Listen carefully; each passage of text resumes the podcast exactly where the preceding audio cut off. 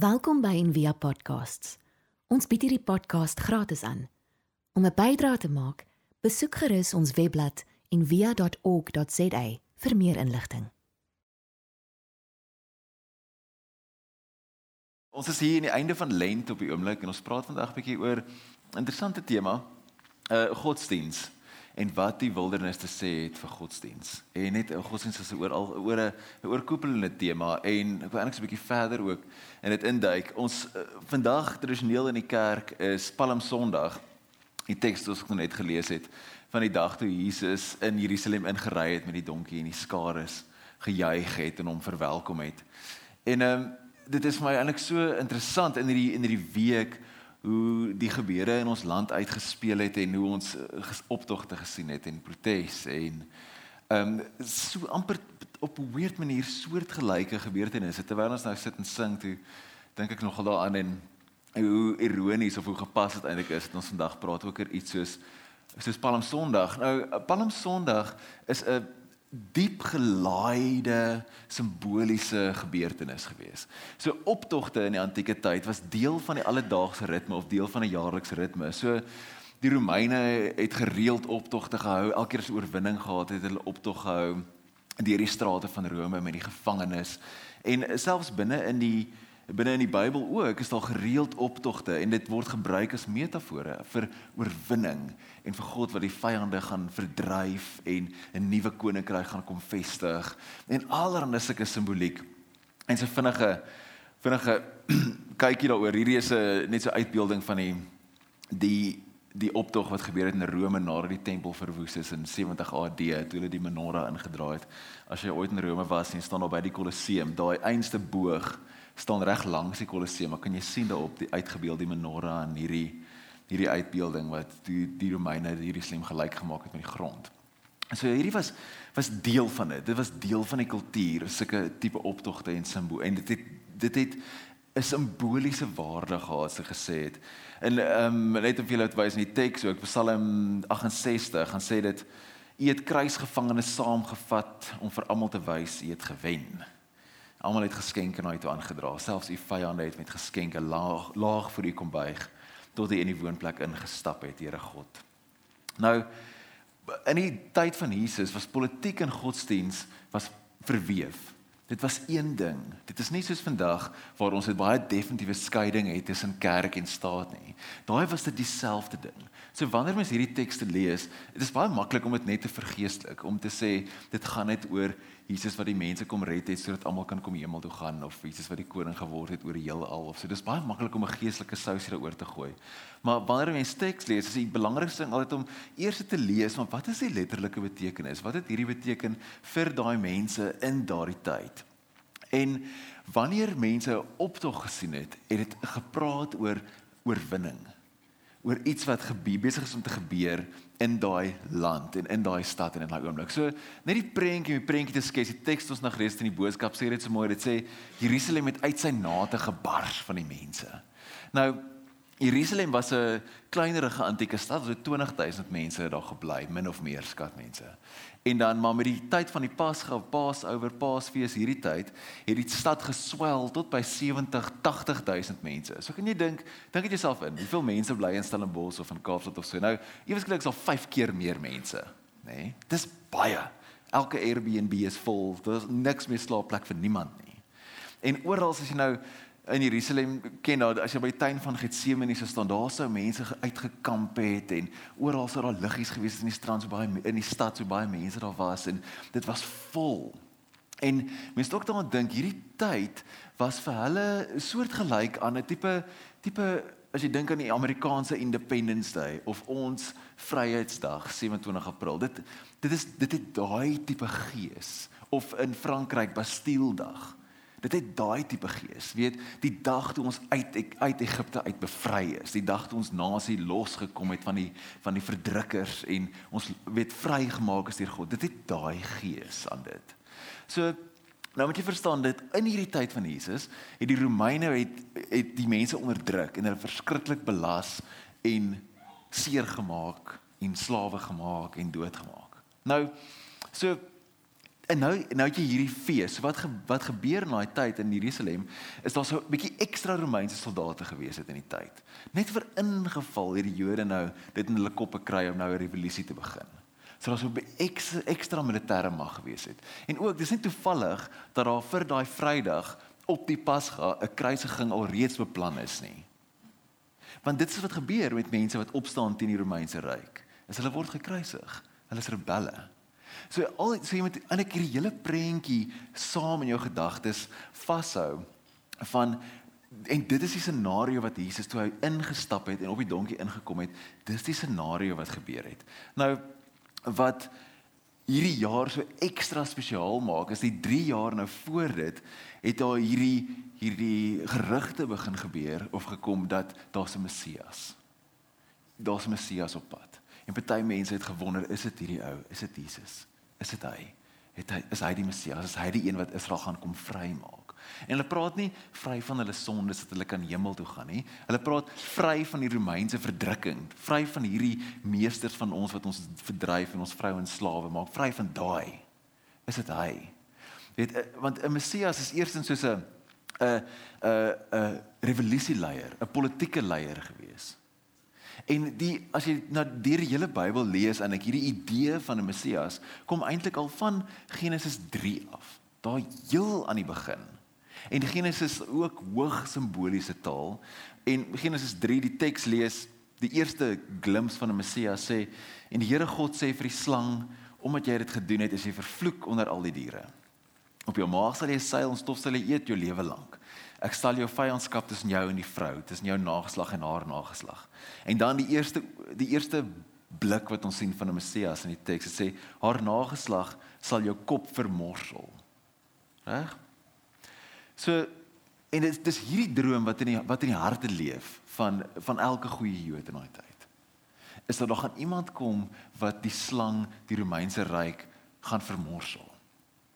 Wat ons gaan weer gaan vrymaak. En wanneer Jesus in die stad inkom, dan hanteer mense hom soos 'n koning.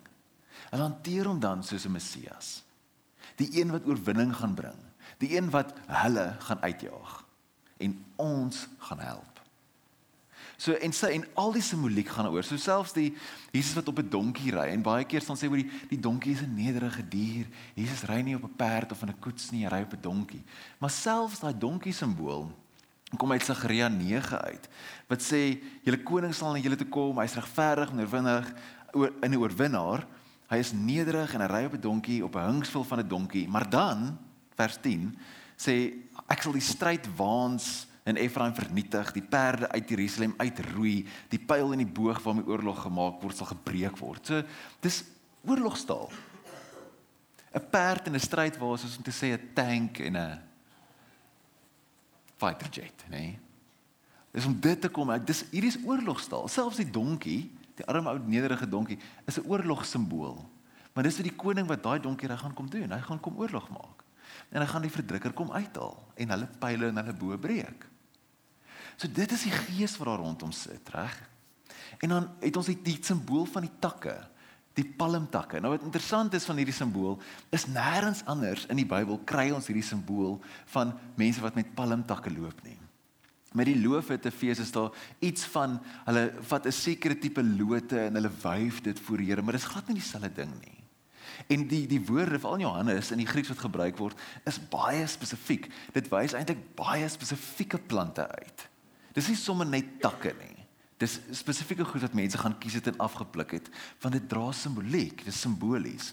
En ons kry eintlik daai simboliek in van die apokriewe boeke in 1 Makabeus, 2 Makabeus, dan hier is die een wat sê on the 23rd day, the second month in the year 171 of the Syrian kingdom, Simon led his soldiers into the fortress. They carried palm branches and praised God with all kinds of songs and musical instruments. God had completely crushed their powerful enemy. So hierdie gaan nie oor 'n geestelike tipe oorwinning nie. Hierdie sien wat ons nou net gelees het nie. Dit gaan oor ons gaan hulle uitgooi. En ons is reg. En daar's 'n tipe wat gevaarlik daarvan is en wat vir my interessant is daarvan is daar's 'n tipe amper 'n triomfantisme binne in dit. Wat sê dat ons koning en ons is die wenners.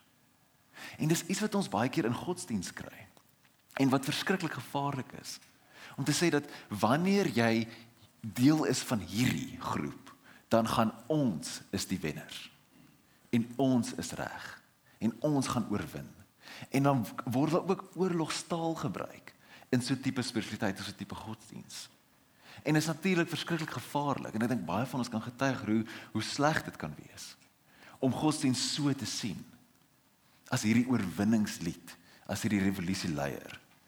En Robert uh, Capon dink ek skryf hy sê we don't want a savior who does a stupid thing like rising from the dead. We want one who never dies. Nee. Ons soek 'n superheld. En dit so hierdie hele sien van Palm Sondag sê eintlik wat die mense sien wie Jesus is. Dis is hulle hulle hulle oogpunt wat hulle sê wie Jesus is. En dit gaan oor ons teen hulle. Dit gaan goed gaan met ons want ons is aan Jesus se kant. Want ons is gelowiges. Ons is deel van die godsdiens. God is aan ons kant. Ons gaan oorwin. Weet? Slaan terug. Maar 'n kruis is nie vir iemand wat oorwin nie. 'n Kruis is vir iemand wat verloor. 'n Kruis is vir rebelle. 'n Messias kan baie dinge wees, nê? Maar een ding wat 'n Messias nie kan wees nie, is dood. 'n Dooie Messias is nie Messias nie. Dan moet ons 'n ander Messias soek. En soos ek gesê het, die rede vir 'n kruisiging of 'n pas op die Pasga was net sodat die Romeine so klein bietjie die Jode onder hulle duim kan hou en herinner wie baas is. So wat interessant is van hierdie week is hoe dit uitspeel. Dit begin met hierdie optog. Met hierdie fees, met die verwelkoming van hierdie rebellie leier in die tempel in. En Jesus korrigeer niemand nie. Nê? Nee?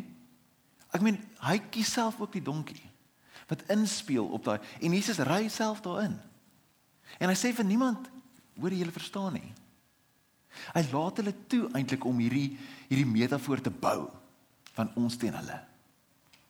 En Jesus gaan nou hierdie Romeine kom uithaal. Maar dan soos die week uitspeel en dis waarin ons almal ingenooi word in hierdie week. Is soos die week uitspeel, dan begin Jesus iets anders wys met sy dade. Hy gaan in die tempel in. En hy hy verheerlik homself nie as koning nie, hy, hy maak die tempel skoon. Ons sal nou 'n bietjie daaroor praat. Hy was sy disippels se voete. Wat soos die laagste werk is wat jy kan doen. Sy reaksie in Getsemane toe hulle hom arresteer. Toe trek Petrus mos die swaard uit, kap Malchus se oor af. En Jesus se reaksie was nie, "Oké, okay, nou vat ons vir hulle nie." Want Petrus het gedink, "Hier's dit nou." En van die mense sal ook sê Judas Een van die apokryfe boeke sê dit was Judas dalk sy motivering geweest is hy wou Jesus druk dat hy sal begin beklei. En dis hoekom hy al daai soldate gebring het. Want hy wou gehad het Jesus moet die Messias wees. Ons dien hulle. Ons moet oorwin want ons is reg, hulle is verkeerd. En dis wat godsdienst doen, maar dis nie wat Jesus doen nie. Jesus doen heeltemal iets anders. En tot met sy kruisiging word dit lyk asof hy heeltemal verloor. Praat hy 'n ander taal. En dit is amper vir my asof hy teen hierdie godsdienst van die dag is teen hierdie verweefdheid van politiek en godsdienst en ons teen hulle en ons is reg en nou per hierdie tipe triomfantisme begin praat. Want so Jesus se spiritualiteit soos ons die laaste paar weke met mekaar gepraat het, is 'n wildernis spiritualiteit. Nie een van optogte nie. En dit sê iets anders, dit vra iets anders. Dit vra om te sterf aan jou ego. Om gestroop te word van jou klere, om naak te wees voor God net soos Jesus aan die kruis was. Dis nie die maklike pad nie. Van ons wen nie. En hoe harder ons sing, luister in die week speel iemand my so 'n liedjie van hoe harder jy sing, dan gaan die Here kom jou kom help. As ek so hoe lê hoe harder? As ek nou nie hard kan en daai daai ding wat ons het van net hoe meer, hoe meer ons dit gaan doen, hoe meer gaan God kom wen en ek verstaan nie dit altyd so lekker nie. Dis vir my moeilik. En 'n wildernisproses is nie 'n maklike pad nie. Dis om nie in die gemak van sekuriteit en mag en aanvaring in te gaan nie, om nie kort pad te vat nie. Dis om toe te laat dat God werk. Dis 'n spiritualiteit van oorgee nie van oorneem nie. Is totaal anders as wat daai mense by die optog gesien het. Want vir hulle gaan dit oor oorneem. En vir Jesus gaan dit oor oorgee. Nie dieselfde ding nie. En in daai teks in Genesis, waar ons die eerste keer lees van die van die Messias, dan sê dit hy gaan die slang se kop vermorsel, maar die volgende deel van daai teks sê en jy sal hom in die hakskeen byt. Wat gebeur as 'n slang jou in die hakskeen byt? Nee, kans is jy gaan doodgaan. So eintlik binne in daai eerste oomblik Ons lees net altyd die vermorsel deel en vergeet van die hakskeen byt deel. Is die dood is klaar binne in daai teks ingeskryf. Dat dit die pad is. Dat dit die spiritualiteit is wat nodig is. En dan dat dit nodig is om te laat gaan. Om jou reg om reg te wees op te gee. Want godsdiens gaan baie keer oor wie is reg en hoe is ons reg? En hoe is jy verkeerd? Waar hierdie meer gaan om te laat gaan, om jy reg om reg te wees op te gee. En Jesus se pad lei dan verder daai week. Die volgende dag gaan hy na die tempel toe. En hy maak die tempel skoon. En dit is baie interessant in daai teks wat wat presies hy doen. Is hy gooi die tafels om van die mense wat die geld geruil het. As jy dalk nie weet hierdie geld, jy moes jy kon nie met gewone Romeinse geld koop in die tempel nie. Jy moes tempelgeld gebruik het. Want die Romeinse geld het die keiser opgehaat. So dis 'n afgod. So jy moes dit ruil vir tempelgeld. En nou en jy weet nou altyd wat gebeur as jy nou nou jy nou dink die tempel is 'n die groot toeriste aantreklikheid. Almal gaan so toe. Nou gaan ruil jy 'n bietjie geld naby 'n groot toeriste aantreklikheid. Dan kyk jy wat se wat se fooie betaal jy dan. Nou en wie dink jy daai tempelgeld beheer? Nê, nee, die priesters, of die leviete, of die leiers van die dag. So wie maak so 'n bietjie wins uit daai geld uit? En dan moet jy nou nog dan moet jy nou en hier is gooi die duwe verkopers om. Duwe was 'n arme mens. Arme mense het duif mag duwe geoffer het. As jy nie 'n skapietjie of 'n lammetjie kon bekostig nie, mag jy 'n duif gedoen het. Maar nou moet jy jou geld gaan ruil vir tempelgeld, dan verloor jy geld. Dan moet jy raai geld en nou hoeveel dink ek kos 'n duif as jy 'n duif in die tempel koop? Nee, is nie goedkoop nie. Dit is om 'n espresso te koop in die middel van Rome reg langs die Kolosseum. Dit is so dis wat dit is. Dis duur. En dis wat Jesus so kwaad maak. As hy sê naas die triomfantisme wat hy weerspreek deur sy dade die res van die van die week, spreek hy hierdie ding aan van dat jy kan nie jy kan nie barriers sit tussen God en mense nie. Jy kan nie hierdie ons en hulle ding is belaglik. Hy sê want my huis moet 'n huis wees van gebed vir alle nasies. En julle het dit 'n rowersnes gemaak. En die die deel waar die markplein was, was die, deel waar die heidene kon bid, wat mense wat nie Jode is nie kon bid. En dis wat ons so kwaad maak. Hy sê die enigste plek waar hulle kan bid, dis nou die plek waar jy staan en mense verneek met julle duwe en julle geld. En raak so kwaad daaroor. Kyk, jy sê die vir Jesus wil kwaad hê, dan moet jy 'n blok sit tussen tussen mense en God. Nog erger tussen kinders en God. En dis wat ons so kwaad maak. En ek dink baie baie mense baie teoloë sal sê dis hierdie aksie, hierdie tempel tantrum van Jesus wat gemaak het dat hulle hom doodgemaak het op die einde. Wat net na dit dan sê die leiers en toe het hulle besluit dis nou genoeg, ons gaan nou 'n plan maak om hom dood te kry. En dis is 'n groot probleem met daai leiers in daai res van daai week aan vat hy hulle ook aan. Nou sê hulle julle slange, julle skyn heilig. Julle sit al hierdie laste op mense. En hulle moet al hierdie goeders doen, maar hulle weerhou hulle van God af. En julle self gaan eers na God toe nie. Sê julle doen nie reëls maar julle lewe nie die lewe nie. Dis nie in julle harte nie. En wat julle voor die gordyn doen en wat julle agter doen is dieselfde nie. Om julle verskeidelde agendas. En dit maak hom kwaad. So Jesus val vir my amper so hierdie twee goeders aan, hierdie triomfantisme, hierdie idee van oorwinning en ons gaan hulle uitkry en dan hierdie skynheiligheid. En al twee daai goed, ek seker baie van ons kan stories vertel van hoe ons met dit te doen gekry het in godsdiens. Waar hierdie einste twee goeders skeiding gebring het tussen mense. Waar het gesê maar ons kerk. Hierdie is belangrik vir ons kerk. Of hierdie is ons kerk se ding of nie alles nie. Waar vir Jesus gaan dit oor die mense. Die mensdom. Nie oor ons en hulle nie. Vir hom gaan dit oor almal. En dis die spiritualiteit.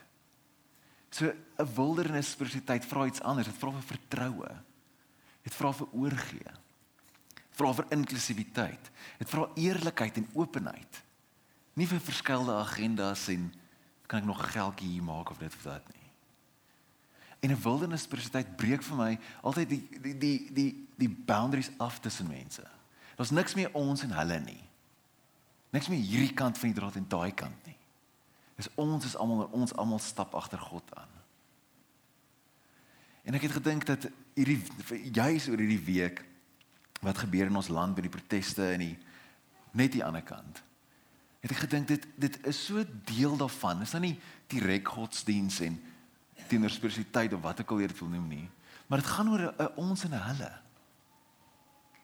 En ek dink 'n wildernis spiritualiteit of 'n Jesus spiritualiteit of net spiritualiteit nooi jou uit na om ons en hulle af te breek.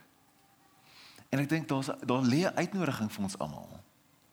As mense wat agter Jesus aanloop of as mense wat op 'n geestelike reis is om iets aan te om iets te doen en iets aan te spreek hieroor.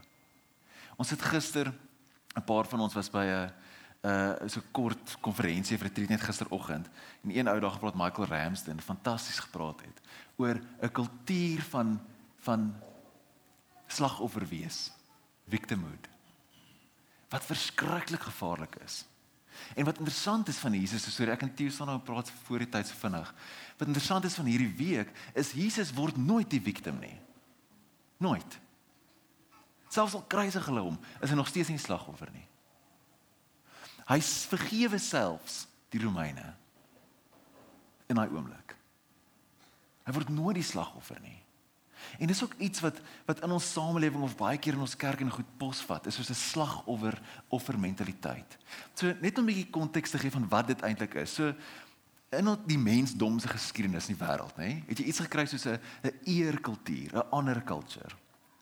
En 'n ander culture sê as jy my iets aandoen, nê, as Lou my nou iets aandoen of wat ook al, dan moet ek my eer verdedig in die publiek.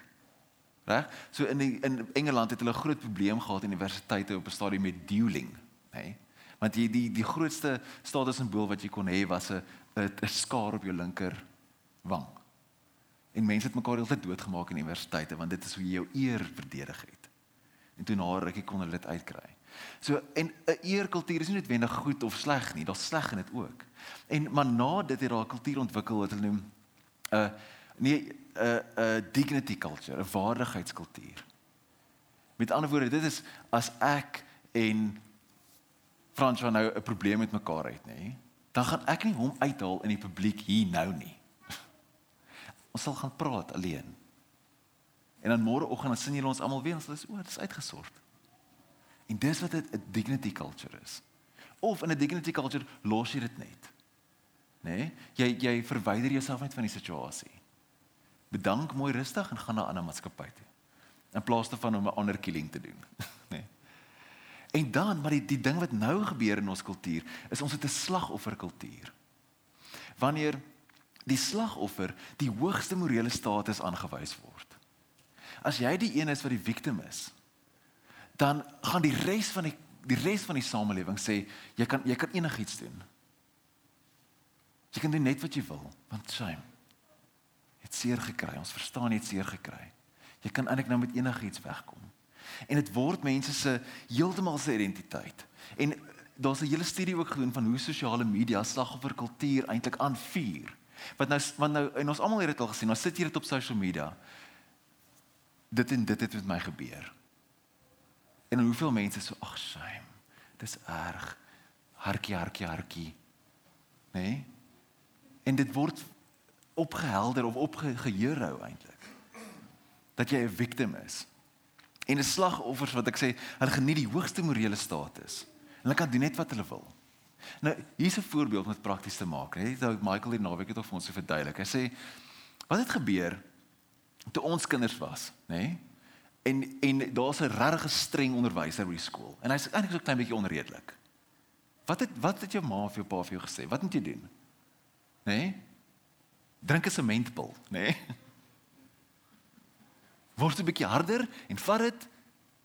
Sy is jy nie joune nie, ignoreer dit, moet dit persoonlik vat nie. Wat gebeur nou? Nê? Nee? As jou kind by die huis kom en sê, "Hoor jy daai meneer is so bietjie onredelik." Soma, jy moet pas op, nê? Nee? Jy's op die foon reg tot by die hoofse kantoor. Jy hou nie op tot daai ou afgedank is nie. Nê, nee, want die slagoffer is die mees belangrikste. Die slagoffer is die Here en hulle kan doen net wat hulle wil. En nou vat jy daai op soos 'n nasionale vlak, op 'n kultuurvlak, op 'n rassevlak en dan sit jy met 'n massive probleem. Van mense wat lyne dan trek tussen dit en sê ons het seer gekry in die verlede en dis nie net in Suid-Afrika dis maklik om dit hier raak te sien dis oor die hele wêreld stories wat vertel word van lande wat na hulle toe kom en sê hoor jy help ons. Ons sukkel so met hierdie want mense weier om van hulle wonde te laat gaan. 'n wond wat die een storie vertel hy 500 jaar terug het die een groep mense die ander groep se leier doodgemaak en geweier om die liggaam terug te stuur. 500 jaar terug. Toe eindig dit in 'n volksmoord 500 jaar later. Want mense identifiseer met 'n wond en dan kies hulle daai trauma en hulle sê dit verduidelik alles. Dis hoekom ek is soos ek is. Dis hoekom ons is soos ons is. Dis hoekom ons so kwaad is van dit. En in ons eie land kan ons net maar terugwys na apartheid of terugwys na die boereoorlog. Wat ek al, ek sien dit die hele tyd. Mense sal sê, "Daai, dis die rede." Dis die rede. En die oomblik as enigiemand anders sê, "Hoorie, maar jy moet dit laat gaan of jy moet kan jy kan nie dit dit verduidelik nie alles nie. Dan raak mense dan het jy petrol op die vuur gegooi. Dan sê jy hoe durf jy sê my wond is nie waardig nie? Hoe durf jy my seer kleiner maak? En dit raak dan al hoe groter. En die die die en dit is soos ek gesê het reg oor die wêreld gebeur dit. Oor en jy kan mense kan nou maar sê jy wil nou maar immigreer, jy wil nou maar weggaan na 'n plek toe waar dit nie is nie.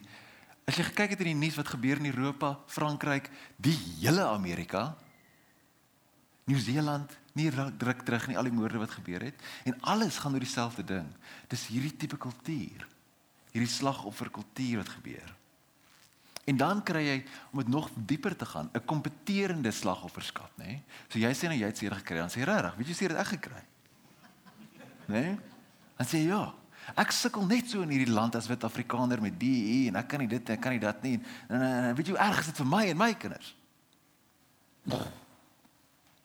Dit word net erger en erger en erger. En dis 'n ons en hulle ding. En ek dink ek wil dit soos tot 'n mate terugtrek tot by Jesus se intog in Jerusalem. Daai ons en hulle. Ons is die on wat verdruk is. En ons God gaan ons red teen hierdie awful mense. En dis iets wat wat ons almal teen moet werk. En wat ons kan doen teen dit? Wat kan ons doen teen dit? Want die antwoord op dit is jy moenie identifiseer met daai wond nie. Maar dit is so maklik en dit is so lekker. En jy kry so baie waarde uit dit uit. Dis sê jy kan nie jy moet laat gaan van dit. Beteken nie ons sê dis minder nie. Maar jy moet dit laat gaan. En die gift wat ons spiritualiteit kan bring en wat Christendom kan bring en mense wat agter Jesus aanloop is vergifnis en grace. Want Jesus speel nie die victim nie. Hy vergewe. En dis wat ons kan doen om nie die victim te speel. En ons almal doen dit. Want ons is geneig om te sê ja, kyk hulle, hulle speel die victim. Kyk nou daai klomp daar onder in Somerset. Dis nee nee nee, albei kante. Ons almal doen dit. Want ons is almal in daai kultuur vas. En om te sê maar wat, wat kan ons doen? En 'n groot deel daarvan hè is om te luister. Om iemand se storie te hoor en hulle kant te hoor. Daar's 'n studie gedoen wat gesê hulle wil gekyk het hoe goed verstaan ons mekaar se motivering. So dit gaan so klein bietjie oor die tyd, maar dit's amper klaar. Hoe goed verstaan ons mekaar se motivering, nê? Hoekom het jy gedoen wat jy doen? Toe vat hulle getroude paartjies, gelukkige getroude paartjies, huwelik ehm um, ehm um, siblings en goeie vriende. En hulle mede toe. Hulle sê wanneer jy uh wanneer jy verskil in opinie het of jy 'n argument, nê? Toe vra hulle vir elkeen, "Hoekom dink jy reageer ander een so?" Weet jy hoeveel keer ons mense reg? Mense dis mense wat mekaar baie goed ken. Hoeveel keer was hulle reg geweest? 5% van die keer was hulle reg. Dis ek weet mos hoekom jy nou kwaad is. Dis mos nou van dit en dit en dit. Nou as mense tussen man en vrou wat huweliksmaats, goeie vriende mekaar so mis kan verstaan. Hoeveel meer verstaan ons nie mekaar vermis mis tussen wit en swart, Afrikaans en wat wat wat tussen lande nie. Hoeveel meer het ons nie ruimtes nodig waar ons kan stories deel en mekaar kan luister nie. En dis wat en ek dink dis wat wildernis spiritualiteit bring. Is daai om te kan luister. En dis wat ons doen, wat ons oefen die hele tyd in ons sirkels, onderskeidingstydperke, al die goed. Luister vir mekaar se stories. As jy iemand se storie luister, dan connect jy met hulle op 'n chemiese level. Soos jy my jou storie vertel, dan word daar oksitosin in my lyf in vrygestel wat maak dat ek met jou bond. Ons luister nie na mekaar nie, ons gooi net klippe. En ek dink die die woord die religion het so vloekwoord geword. Maar die die Latyn religio beteken om om saam te bind. Dit beteken eintlik presies teenoorgestel as wat ons van dit gemaak het. Ons het gemaak dat dit skeiding bring tussen mense. En eintlik is dit om om mense saam te bind. En ek dink daar's 'n uitnodiging vir ons in dit om te doen wat Jesus gedoen het ook in hierdie week. Om nie in die triomfantisme pad in te stap nie, om obviously nie in die skynheilige pad in te stap nie. En mense te misbruik nie, maar om in 'n pad in te stap van diens, sacrifice, vergifnis, genade, om af te gaan. Laer en laer en laer en laer en dit te doen.